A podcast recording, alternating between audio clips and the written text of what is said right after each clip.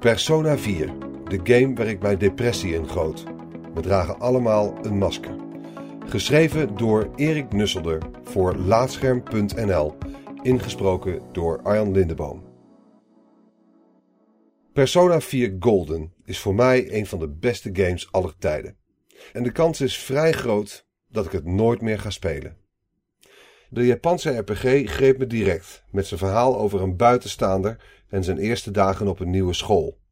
Al zijn klasgenootjes kennen elkaar al en hij moet zich binnen die bestaande groep weten te wurmen.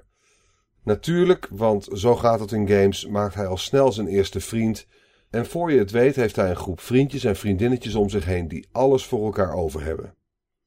Een nogal confronterende verhaallijn voor iemand die zelf niet zo snel vrienden maakt en sociaal onzeker is. Het leek er niet eens op alsof de hoofdpersoon echt zijn best deed. Het was meer zo'n standaard Norse jongen uit RPG's die aanvankelijk nog een puberende lul is. Uiteindelijk wordt hij wat minder gesloten door zijn gevoelens te leren tonen. En redt hij ook nog eens de wereld. Toch lukt het hem direct om de populairste meisjes om zijn vingers te winden en willen al zijn klasgenootjes tijd met hem doorbrengen. Ik begon mezelf keihard te projecteren op dit spel. Verlangend naar ook zo'n vriendengroep die elke dag afspreekt bij het winkelcentrum om gewoon wat rond te hangen. Nu is het niet zo dat ik vroeger op school geen vrienden had. Helemaal niet zelfs. Maar na de middelbare heb ik het altijd moeilijk gevonden om dat vast te houden. Ik had het voor kort geen idee hoe je als volwassene vrienden met iemand wordt. Iedereen leek zijn vaste groepje al te hebben gevonden en voor een buitenstaander was geen plaats meer, dacht ik. Iedereen draagt een masker. De haak om me aan het spelen te houden was er dus, maar de echte klapper kwam iets later in het spel. De reeks leunt op de notie dat iedereen zich anders voordoet dan hij echt is, dat iedereen een masker op heeft en zich een andere persona aanmeet.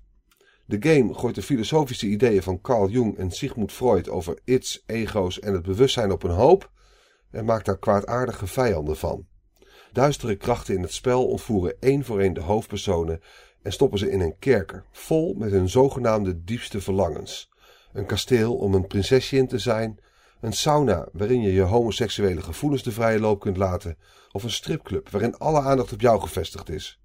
Alle personages wijzen die extreme gevoelens in de eerste plaats af, waardoor er een schaduwversie van ze ontstaat, gebaseerd op de weggestopte gedachten. Na een zware strijd tegen zichzelf leren ze te accepteren dat dit soort gevoelens bij hen horen. Het maakt deel uit van hun persoonlijkheid, maar het definieert ze niet.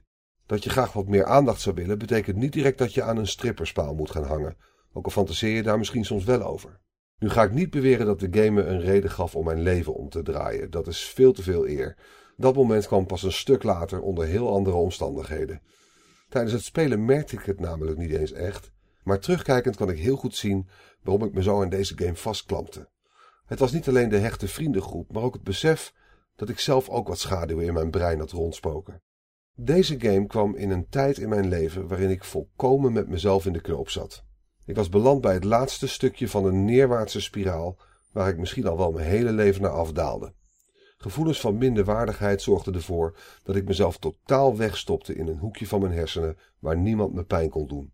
Ik stompte mezelf af terwijl ik met een intense zelfdestructie al het goede in mijn leven langzaam vernietigde, omdat ik vond dat ik het allemaal niet verdiende. Niet zo gek dat ik me in die periode vastgreep aan iets herkenbaars dat me nog een beetje plezier gaf. Ik kon niet meer stoppen met Persona, speelde constant door en wilde al mijn vrije tijd rondbrengen met mijn fictieve klasgenootjes en de strijd tegen hun kwade zelf. Ook op vakantie nam ik de Vita mee, zelfs op het strand, waar je door de zon eigenlijk niet goed kon zien wat er gebeurde op het scherm. Toen ging ik gewoon onder een parasol liggen. De personages waren zo goed geschreven dat ik ze echt als mijn vrienden begon te zien. Elke keer dat ik gamer liet kiezen met wie van mijn klasgenootjes ik de vrije tijd naar school wilde doorbrengen, had ik het echt even moeilijk. Ze waren me allemaal even lief en ik wilde niemand teleurstellen. Ik probeerde alles om ze zoveel mogelijk tevreden te houden, in plaats van te bedenken wat ik zelf wilde doen. Een beetje raar om dat in een game te doen misschien, maar het was wel hoe ik op dat moment in elkaar zat.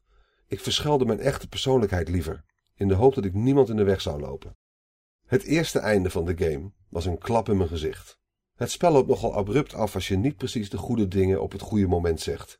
Ik struinde direct het internet af, op zoek naar hulp om een beter einde voor mijn hechte vriendengroep en een excuus om verder te blijven spelen. Ook na een bevredigende sluitstuk bleef ik spelen totdat ik ook het ware einde had verslagen. Toen wachtte het zwarte gat, Mijn tijd met deze digitale personages was tot een eind gekomen en iedereen had hun eigen verstopte gevoelens overwonnen. Nu ik nog. Het begin van de rest van je leven. Ik kan nu ook zien dat het niet echt goed is om je geluk te zoeken in andere mensen, in het zoeken van hechte vrienden. Ik was niet blij met mezelf en was obsessief op zoek naar iets dat mijn leven compleet zou maken, terwijl ik alles wat goed was in mijn leven afbrak omdat dat kennelijk niet de oplossing was. Maar op die manier ging het niet werken.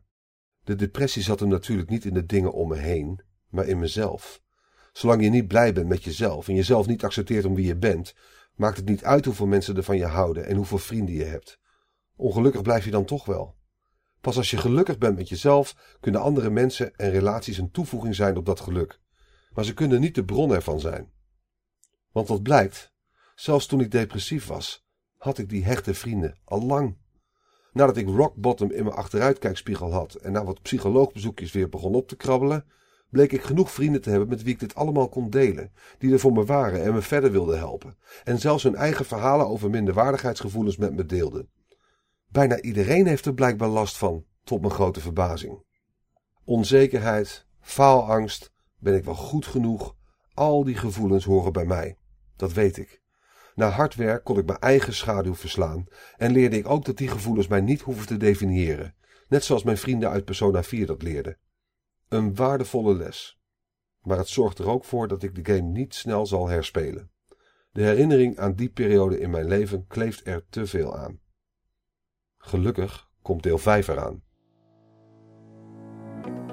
Dankjewel voor het luisteren naar Laatscherm voorgelezen. Abonneer je ook op onze podcast Praatscherm en ga voor deze en meer verhalen, gesproken of geschreven, naar laatscherm.nl.